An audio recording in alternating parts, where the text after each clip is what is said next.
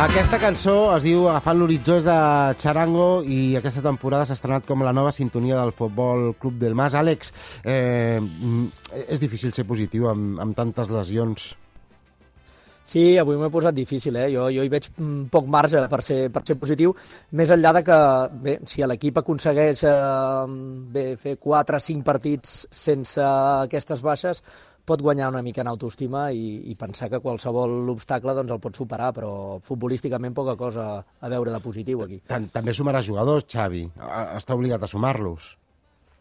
Sí, aquesta és l'altra, no? que jugadors que, hagin tingut nota de minuts eh, doncs en tindrà més, no? i penso en Sergio Alberto, bé, doncs aquests jugadors no i quan també més rodats per una altra part de, de temporada doncs més, amb, amb més ritme. Mou-te una mica, perquè hem perdut un, un instant la connexió, Àlex. Ja, ara eh, farem el que teníem previst, que és eh, passar balanç a l'inici de temporada del Barça de Xavi Hernández, que és el que s'està fent bé, que és el que s'està fent molt bé i que és el que encara necessita millorar-se. Eh, deies que et generava certa preocupació també la posició de lateral dret del dia que el Barça vulgui ser defensiu, sense Araujo i sense Koundé. Sí, per als partits grans. Jo crec que, bé, aquí ja, d'alguna manera, Xavi tenia la fórmula per afrontar aquest tipus de situacions, no? amb laterals més ofensius amb, amb Bellerín, eh, fins i tot Sergi Roberto, però que per enfrontar-se als Vinícius, als, bé, el tipus d'extrem, el Salah, el tipus d'extrem eh, amb verticalitat ràpid, doncs la fórmula de Condé anava molt bé, i si no la d'Araujo. Crec que aquest és el principal Uh, bé, el principal punt on perd el Barça eh, davant d'aquestes dues baixes. Perquè ara ja no existeix aquest perfil de, de lateral dret que és més o menys un central i que et dona molta consistència defensiva.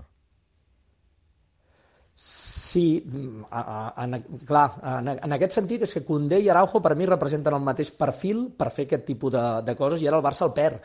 És a dir, hauràs de... Però no hi ha alternativa, vull dir. O sigui, ara mateix el, el Xavi a, a la plantilla sense Araujo i Condé no té aquest perfil de jugador per, per fer de lateral dret en determinats partits.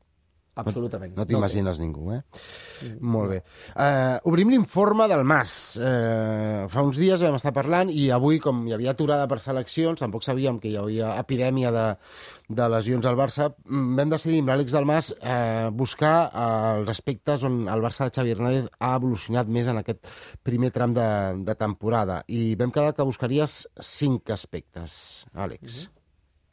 Sí, cinc aspectes eh, que el primer d'ells comença per al creixement a les àrees, que jo crec que és, és molt palpable, no? Al final, un equip que vol ser dominador no et serveix de res si no ho tradueixes a les àrees i el Barça està fent les dues coses.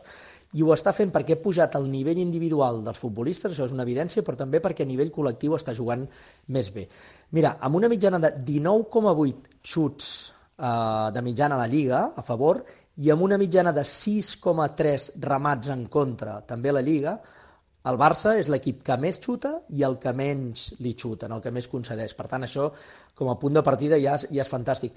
I, a més a més, està pujant l'encert a porteria. La temporada anterior estava en un 35% d'encert, és a dir, el 35% de les rematades agafaven porteria, aquest any ja estan al 40%. Sí, això t'ho explico equip... molt fàcil, jo.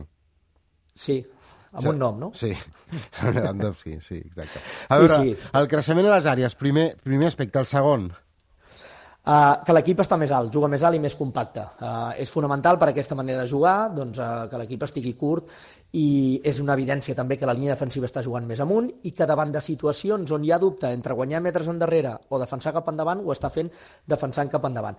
Fixa't que el Barça la temporada passada jugava un 31% a l'últim terç de camp, a l'últim terç de camp rival, que ja està molt bé.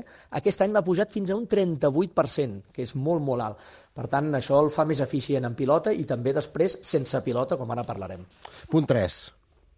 Punt 3, la millora en la pressió, em sembla fonamental. Des de l'arribada de Xavi, l'equip ja va millorant la pressió, tant en la pressió posicional com la post-pèrdua, però aquest any encara més. Uh, el Barça ha pujat de mitjana 4 recuperacions altes per partit, i això que pot semblar poc, no ho és. Són gairebé 4 pensar... ocasions de gol.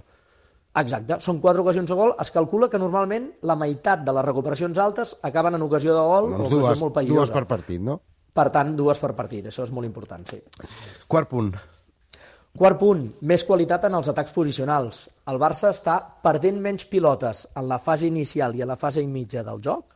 Eh? Ha baixat quatre pilotes perdudes en fase inicial i gairebé 7 en fase mitja de, de, del joc i n'està perdent més a la part final. Per tant, està fent el que, el, que, el que toca, el que diu el manual, no? és a dir, a les zones de risc pròpies evitar les pèrdues i a les zones on tu pots perdre la pilota pujar la creativitat i pujar, pujar el risc. Tens dos extrems que, que arrisquen moltíssim amb el desequilibri sí. i això segurament té a veure amb això. I l'últim punt, Remato, va que és un Barça més vertical, està jugant amb menys passades, està jugant amb menys passades que l'any anterior i a bastantes menys que fa dos o que fa tres. I això és bo o és dolent? Depèn del context. És a dir, això ho ha parlat Xavi moltes vegades, no? A vegades s'ha d'aprofitar aquell espai si és que el crees, però hi ha altres vegades on et genera precipitació. Per tant, aquí el Barça jo crec que té marge de millora. A trobar l'equilibri. Uh, uh, més, més aspectes que, que necessitin millora en aquest Barça de Xavi Hernández, que de moment camina, camina bé, però que segurament té coses a polir.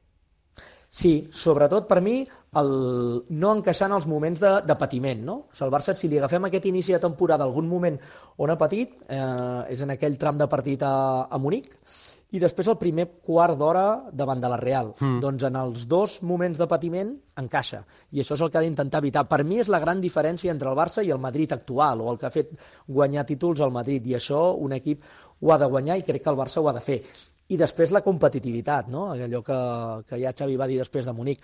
Per mi, per exemple, un equip que encaixa en, en partits tan decisius no pot tornar a encaixar dos o tres minuts després. No? Crec que en això ha de guanyar, en aquest tipus de coses ha guanyar l'equip. Informe del Mas, el club de la mitjanit. Àlex, ahir vas veure el, el debut de Pablo Torre amb el Barça Atlètic? Sí, bastant, sí, sí. I què? Molt bé, molt bé. A mi em sembla un jugador molt bo, em sembla un jugador extraordinari, n'havíem parlat. No? Jo crec que a la segona ref va molt sobrat, crec que és un jugador que per jugar entre línies és ideal i que d'alguna manera és víctima de que el Barça té molt nivell en aquesta posició amb Pedri i amb Gavi, però jo el veig un, un jugador de futur per l'equip, eh, pel primer equip. Pel primer equip, eh, Pablo Torre. Algú el va veure ahir al, al Mini en la victòria del Barça Atlètic contra el Múrcia? No. Tampoc.